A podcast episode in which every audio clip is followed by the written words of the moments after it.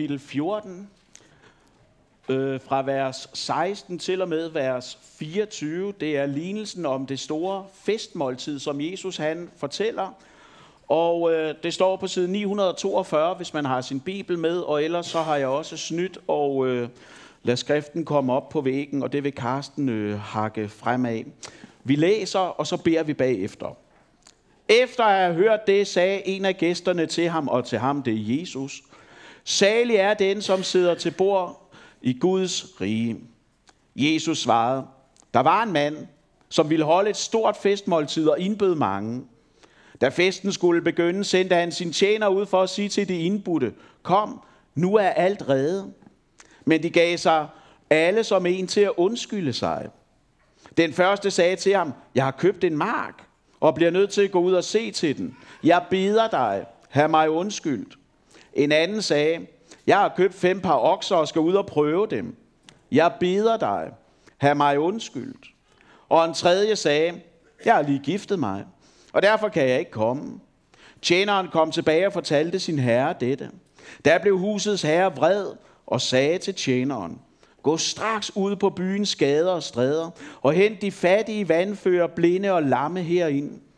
Og tjeneren meldte, Herre, det er sket, som du befalede, men der er stadig plads. Så sagde Herren til tjeneren, Gå ud på vejene og langs skærene og nød dem til at komme, så mit hus kan blive fyldt. For jeg siger jer, ingen af de mænd, som var indbudt, skal smage mit måltid.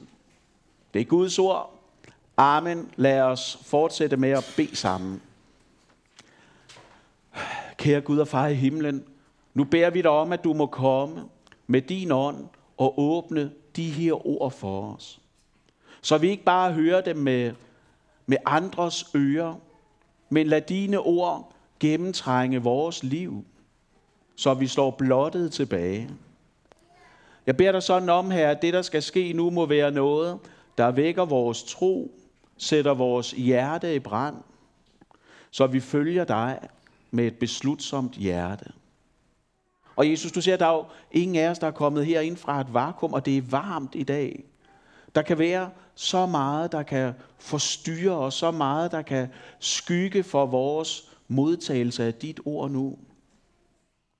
Ting, vi er fyldt af. Ting, der støjer i vores sind. Jesus, jeg beder dig sådan om, at du må komme nu med din ånd og skubbe vores hverdag lidt til side. Så vi kan høre det, du har at sige, og tage imod det, du vil give os. Lad vores tanker finde hvile, vores sjæl finde ro, og lad vores hjerte være åbent, så du kan drage ind. Amen. Se, øh, nu ved jeg ikke, hvordan... Åh, oh, skal lige have tændt den her. Se, nu ved jeg ikke, hvordan I som sidder her har det med fester, om det er noget, I gør det. I sagen er jo, at det gør jeg. Fordi i morgen, så har vi en student derhjemme, og der er andre her i forsamlingen, som får studenter i morgen og andre dage også. Og det er jo fantastisk. Jeg går og nynner derhjemme en dag tilbage, og øh, det får jeg ikke ros for. Og, øh, men altså, sådan er det jo. Når der sker store ting, så fejrer vi det. Det er jo det, vi gør i dag. Der er konfirmandpølser lige om lidt. Ah, okay, lige om lidt, det er nok så meget sagt. Det også. Jeg har trods alt mere end en sides prædiken til jer sådan. Men lidt senere, så er der konfirmandpølser, og der er studenterfest i morgen. Og sagen er jo, at der er også andre af jer herinde, som senere på året vil fejre store livsfester. Vi har allerede fået en indbydelse til, er det ikke 1. august? Jo, for fordi 1. august er, der nogen, er det 25 år siden, nogen sagde ja til hinanden. I Tarm Kirke. Nej, det var tæt på. Og hvad er det, der sker, når der er de her store festlige begivenheder? Det er jo, at man inviterer gæster. For nogle gange så er glæden så stor, at man kan kun, man kan ikke rumme den selv. Man er nødt til at invitere andre. Fordi det er jo vi, det er som om, vi mærker den her følelsesmæssige grundlov i os omkring det her med, med glæde. Den vil deles. Den vil længere ud. Og derfor så bliver fester jo altid en anledning til at samle folk. Fordi glæde, der ikke deles, det er bare ikke helt det samme. Vi ser det jo også efter store sportstriumfer. For mange år siden, så skete der jo et mirakel i Sverige. Og mennesker, de stemlede sammen og ville fejre det med hinanden. Fordi det, der sker, det er, at glæden er så stor, at det løftes fra at være individuel til fællesskab. Den bliver delt, og den bliver forklaret. Fordi det, det, det er for meget til bare at være i et, en krop alene. Og når vi starter her i dag, så er det jo fordi Jesus taler om fest i teksten. Viser os, at Gud holder fest, og du er inviteret med. Der står, alt er reddet, for det er det. Guds rides fest, det er jo der, hvor døden er opslugt til sejr. Og når vi åbner vores Bibel, så genlæser vi invitationen. Og det vi også ved nu, fordi vi har åbnet Bibelen og genlæst invitationen, det er jo, at vi ved, at festen holdes, uanset om du er med eller ej. For der er en invitation i den lignelse, Jesus fortæller, men der er også en advarsel. Og det er der, vi skal slå lejr i dag, så når vi fokuserer på troens nu, og ikke snuser frelsen væk.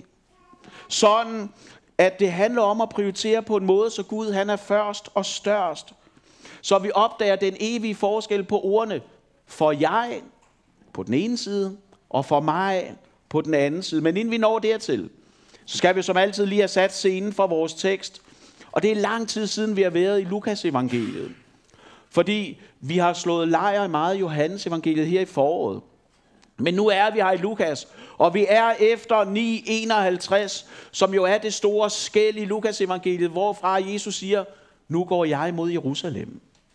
Nu har han gjort tjeneste i Galilea, og nu er Jesus på vej mod korset. Og undervejs på den her vandring, der er det, at Jesus han spiser måltid med en ledende fariser, og det udvikler sig jo akavet. Fordi han helbreder en mand med vand i kroppen på sabbaten. Og det, øh, det skaber en mærkelig stemning til øh, festen. Og Jesus tænker, det kan blive lidt værre. Så han begynder også at kritisere dem for deres iver efter at sidde øverst og forrest ved bordet. I ved måske det her, Jesus siger det her med, vend sæt dig længere ned, eller vend sæt dig højere op. Fordi de var så optaget af, hvad andre så i dem. Så stemningen er underlig. Der har været lidt stille, og så er der en, der tænker, det fik så jeg. Så han har påtaget sig rollen som isbryder og siger, salig er de, der sidder til bords i Guds rige. Fuldstændig overbevist om, jeg har jo en pladsbillet. Det er den store kontekst. Og den større kontekst i nu, det er jo, at de mennesker, Jesus taler til, farisæerne, dem tror jeg nemt, vi kan misse lidt, hvem er. Vi ved godt, det er dem med de sorte hatte i Bibelen, det er dem, vi ikke skal være som. Men hvis vi lige prøver at se kort på, hvem var de? Det var mennesker, der gav tiende. De havde tårnhøje idealer. De tog troen alvorligt. Det var en hjertesag for dem. Men de var også åndeligt blinde. De havde nok i dem selv, de havde nok i deres egne gerninger, og de var ivrige med at påføre ekstra byrder til mennesker, der allerede var ved at sejne under lovens krav. Og derfor bliver fraisererne også et eksempel for os på, hvad det er, der sker, når vi har nok i vores eget. At Gud, han presses ud, og han bliver reduceret til en birolle i vores liv, og der må vi jo ikke ende. Og derfor er det, at vi nu vil prøve at dykke ned i den her tekst og forstå noget af, hvad er det, der er på spil her, så vi ikke ender som dem, der bare tror, at vi automatisk har en pladsbillet. Og vi starter gennemgangen med at fokusere på den vel nok mest udtalte trussel i menneskehedens historie. Jeg teasede for det i det forberedelsespapir, jeg sendte ud den anden dag. For der er jo en trussel, en universel trussel, som jeg tror, vi alle sammen har benyttet os af, og oven i købet også ragt til andre. Så hvad er det, I har truet andre mennesker mest med igennem jeres liv? Er der nogen, der har et bud på det? Hvad har man mest truet andre mennesker med? Lasse, hvad har du truet andre mennesker med? Ja. Nej. Jeg tror, det er det her. Du må ikke komme med til min fødselsdag. Hvor mange herinde har sagt til nogen i fuld alvor, du må ikke komme med til min fødselsdag? Man må altså ikke lyve herinde, det ved I godt, ikke? Nå, ja okay, det var ikke mange. Jeg troede, det var et universelt problem. Men prøv at høre, har I hørt om nogen, op med hånden, har I hørt om nogen, der har sagt, du må ikke komme med til min fødselsdag? Ja, det er godt, så holder billedet stadigvæk sådan, ikke også? Fordi det er jo på et tidspunkt af ens liv, så er det her noget af det værste, du kan høre, at man er udenfor, man er ikke velkommen. Og derfor, hvis man har hørt den her trussel, hvor man var et barn, ikke når man er voksen, for så tænker man bare, nå det er fint, så slapper jeg bare af derhjemme sådan, ikke? Men hvis man har hørt den her, når man er barn, så har man sikkert været optaget af, hvordan kan jeg ændre det her faktum? Hvordan kan jeg få ophævet den her trussel, for jeg vil gerne med.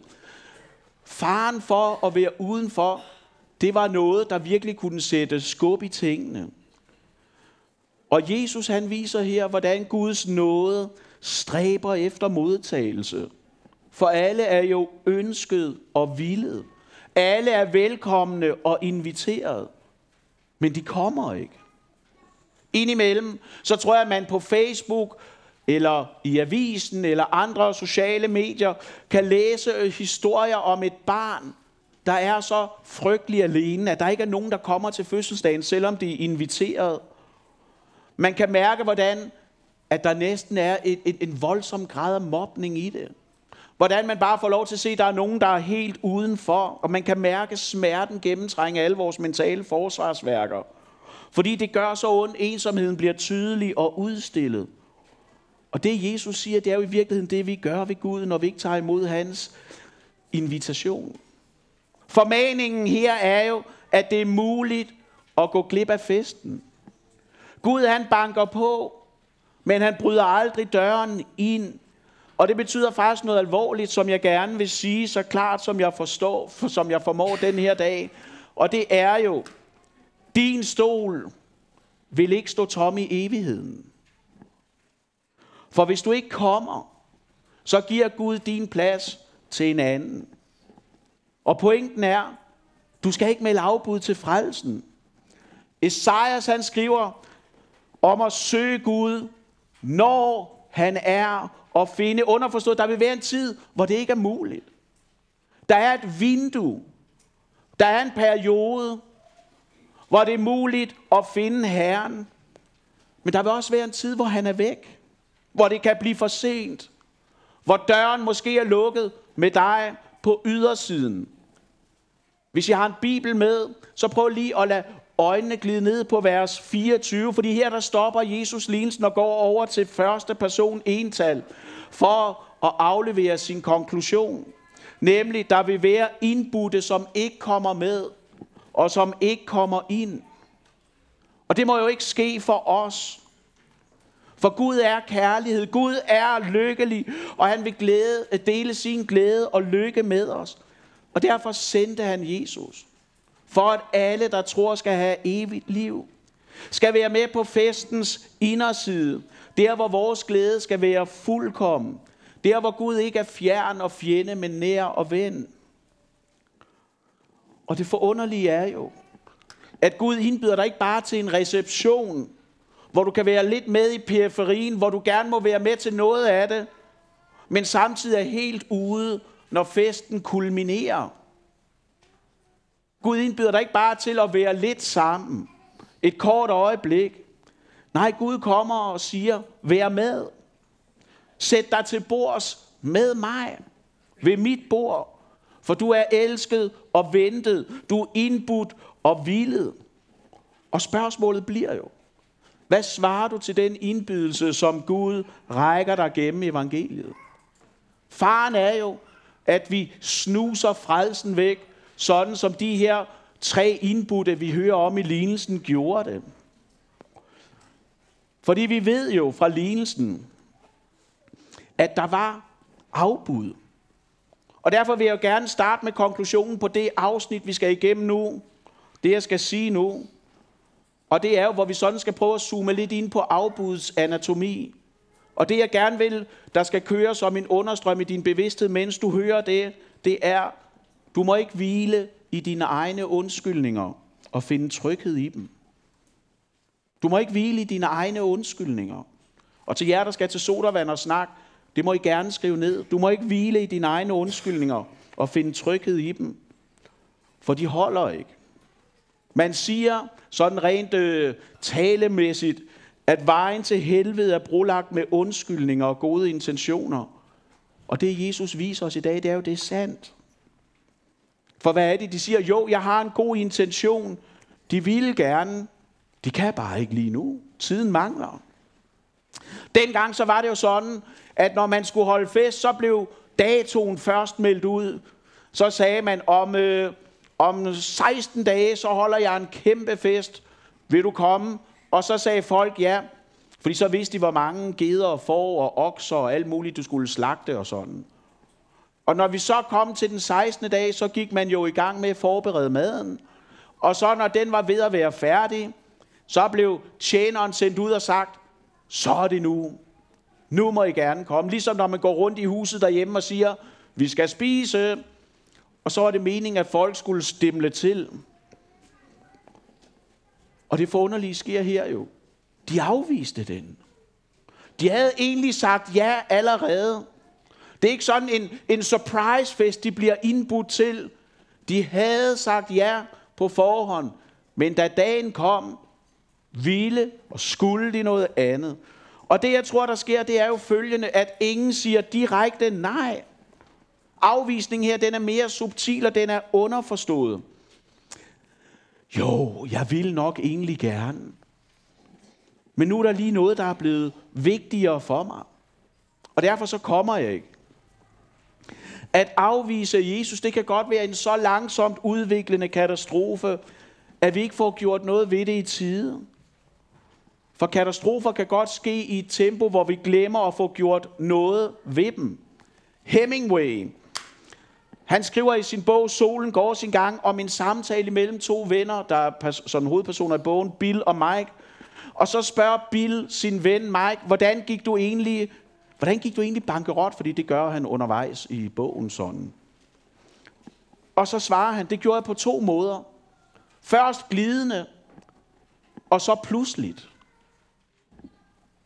Og jeg tror, det er, hvad der udspiller sig her. Hvor det er mange af hverdagens små prioriteringer, som i en samlet sum gør, at du kommer på afstand og væk på en måde, så du til sidst ikke længere er med. Det sker glidende og så pludseligt. For Gud kan jo høre ind bag dine undskyldninger. Og han tror ikke på dem, og han accepterer dem aldrig. Og derfor må vi ikke ende der, hvor vi binder vores hjerte til noget, som vi i sidste ende vil miste og må give slip på. Gud venter ikke til du har tid. Når Gud kalder, så skal du svare, og du må ikke udsætte det, for det kan blive for sent. Og derfor tror jeg, en af vores største nutidige kampe her i den varme sommer 23, det står om vores opmærksomhed. Og det med at bruge tid på Guds ord, ja, det, man kan godt læse det ind i en nutidig skærmdiskussion og sådan noget, det ved jeg ikke, om man skal. Men jeg tror, kampen står om opmærksomheden på Guds ord, hans fællesskab og sakramenter. Og det, det betyder konkret for os, det er at vi må ikke tabe til sofaen eller til maligheden. Vi kan have så mange undskyldninger og synes, de giver mening, men jeg vil også gerne udfordre den her formiddag til at overveje, kan det være en form for moderne fine blad, der skjuler at du hellere vil være for dig selv, end du vil være sammen med Guds folk.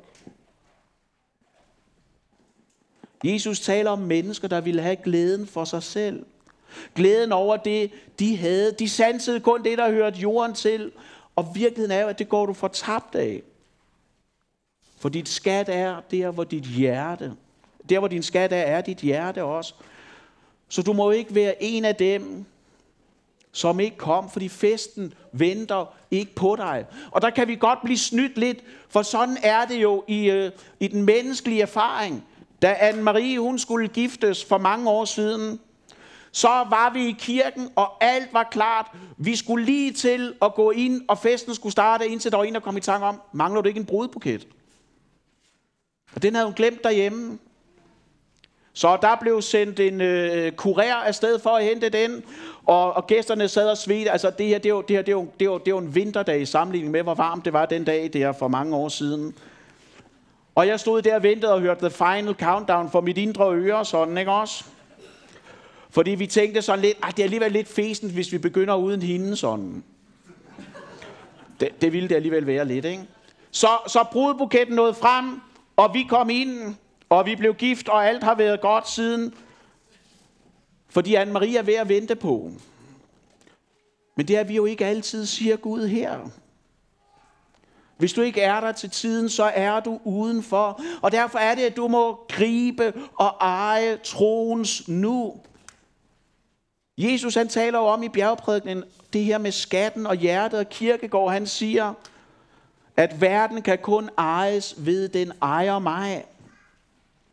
Og jeg tror, det er sandt. Verdens bedrag, det kommer ubemærket. Og det beder os aldrig om at tage stilling.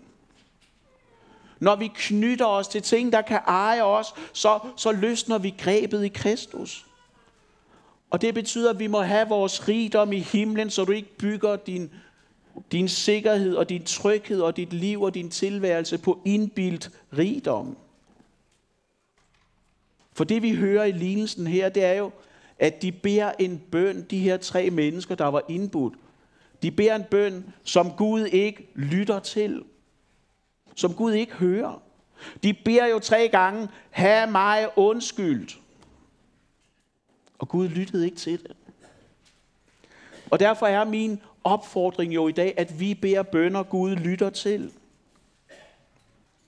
For alle, som ikke har brug for Jesus som frelser, går fortabt og skal aldrig spise hans festmåltid.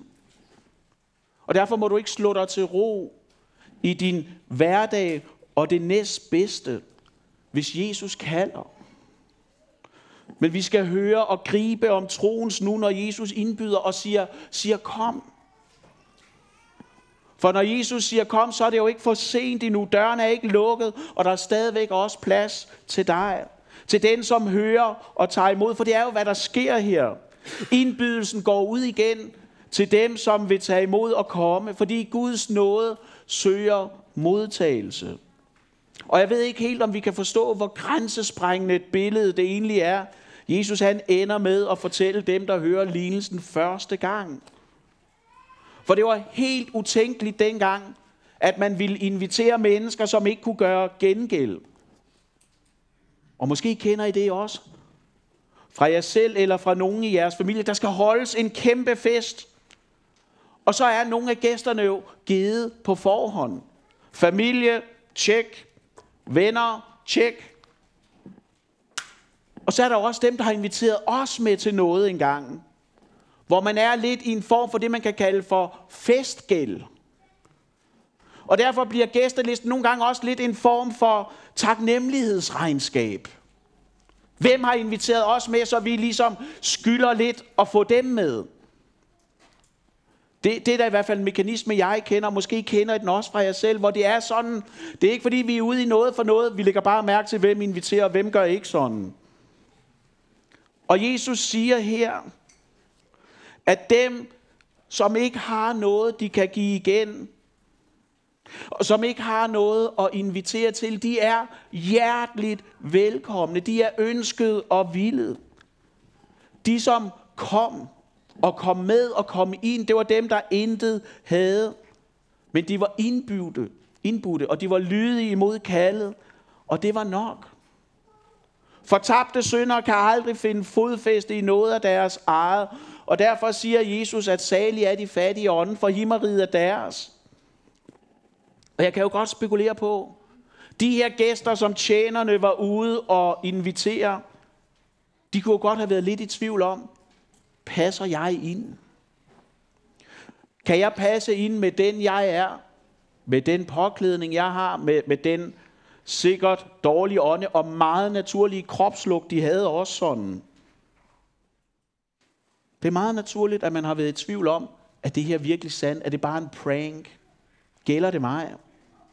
Og hvad så de, da de kom frem? Alle dem her, der var nødt til at komme ind. Hvad så de? De så mennesker, der lignede dem selv. Og for mig der har det været en kæmpe påmindelse om, at det kristne fællesskab, både det med stort F, altså kirken, den store kirke, verdensomspændende kirke og vores lille kristne fællesskab her i KVS, det er jo ikke de vellykkedes fest, men de tilgivendes samling. Dem, der hører og griber om troens nu og klamrer sig til det. Og fordi vi er indbudt, fordi vi har fået, så har vi også råd til at række ud og investere i dem, der ikke kan give os noget igen. Og det er her, vi, vi lander i dag. Fordi jeg vil gerne sige noget om det her med for mig, eller for jeg og for mig. For som I måske har lagt mærke til det, når jeg indstifter ned, og jeg kommer også til at gøre det igen i dag, så siger jeg lige inden vi synger Agnus Dei, der betyder Guds lam, så siger jeg, kom for alt er reddet. Fordi jeg gerne vil understrege og tydeliggøre, du er inviteret, og du er velkommen. Alt er betalt, alt er færdiggjort. Du skal ikke betale en kvittering. Guds frelse er ikke en pludselig indskydelse. Men du er udvalgt før verdens grundlæggelse. Du er indbudt og vildet. Og nadvånd, det er for alle dem, som ikke har nok i dem selv eller deres eget. Og derfor kan vi jo frimodigt, når vi har modtaget den, gå ud i hverdagen med bevidstheden om, at det, der vil ødelægge os, det har Kristus besejret. At gå til nadver, det er en bekendelseshandling, en åndelig øvelse, hvor vi prøver at løsne verdens greb om os, så vi er klar til festen. Og det kan godt være, at du taber små slag i hverdagen i din kamp imod synden, men Kristus har vundet krigen. Og derfor, det du er indbudt til, det er sejrsfesten. Fordi han kommer jo til dig, som vi så helt tilbage i starten af februar måned, sejrig og retfærdig. For han har vundet. Så den fest, der er tale om her, det er sejrsfesten. Og det betyder, at når du kommer om lidt og modtager nadvånd, så modtager du det fuldbragte. Det, der ikke mangler noget. Det, der er evigt nok. I haven, på syndefaldets aften, der lokkede Satan Adam og Eva med løgnen om, at de skulle ikke dø, hvis de spiste. I nadvånd, der kommer Jesus til os konkret og håndgribeligt og siger, spis og lev. Jeg døde for, at du skal leve. Jeg blev forladt for, at du skal være inde. For evigt, for den fest Gud indbyder til, den har ikke nogen bagkant. Du skal ikke hjem igen. For festen er nu dit hjem.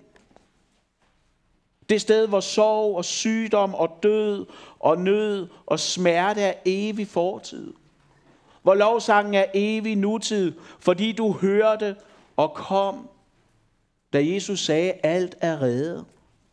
Fordi du troede og modtog det, som Jesus rakte med sine navlemærkede hænder, for at du aldrig skulle være i tvivl om, at der er en plads til dig i himlen. Når du ikke snuser frelsen væk, men tager imod indbydelsen og kommer, når Jesus siger, nu er det nu. Lad os bede sammen.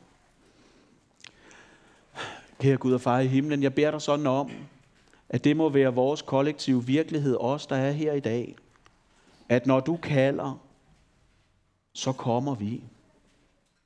At der ikke er noget i os, i vores liv, der holder os tilbage, og langsomt, men sikkert trækker os ud af din frelsende nåde. Og hvis der er her, så hjælp os til at bryde med det. Så vis os, at du er den, der har vundet over alt. Også det, vi bøvler med. At din nåde er større, din tilgivelse er stærkere. Amen. Nu så vil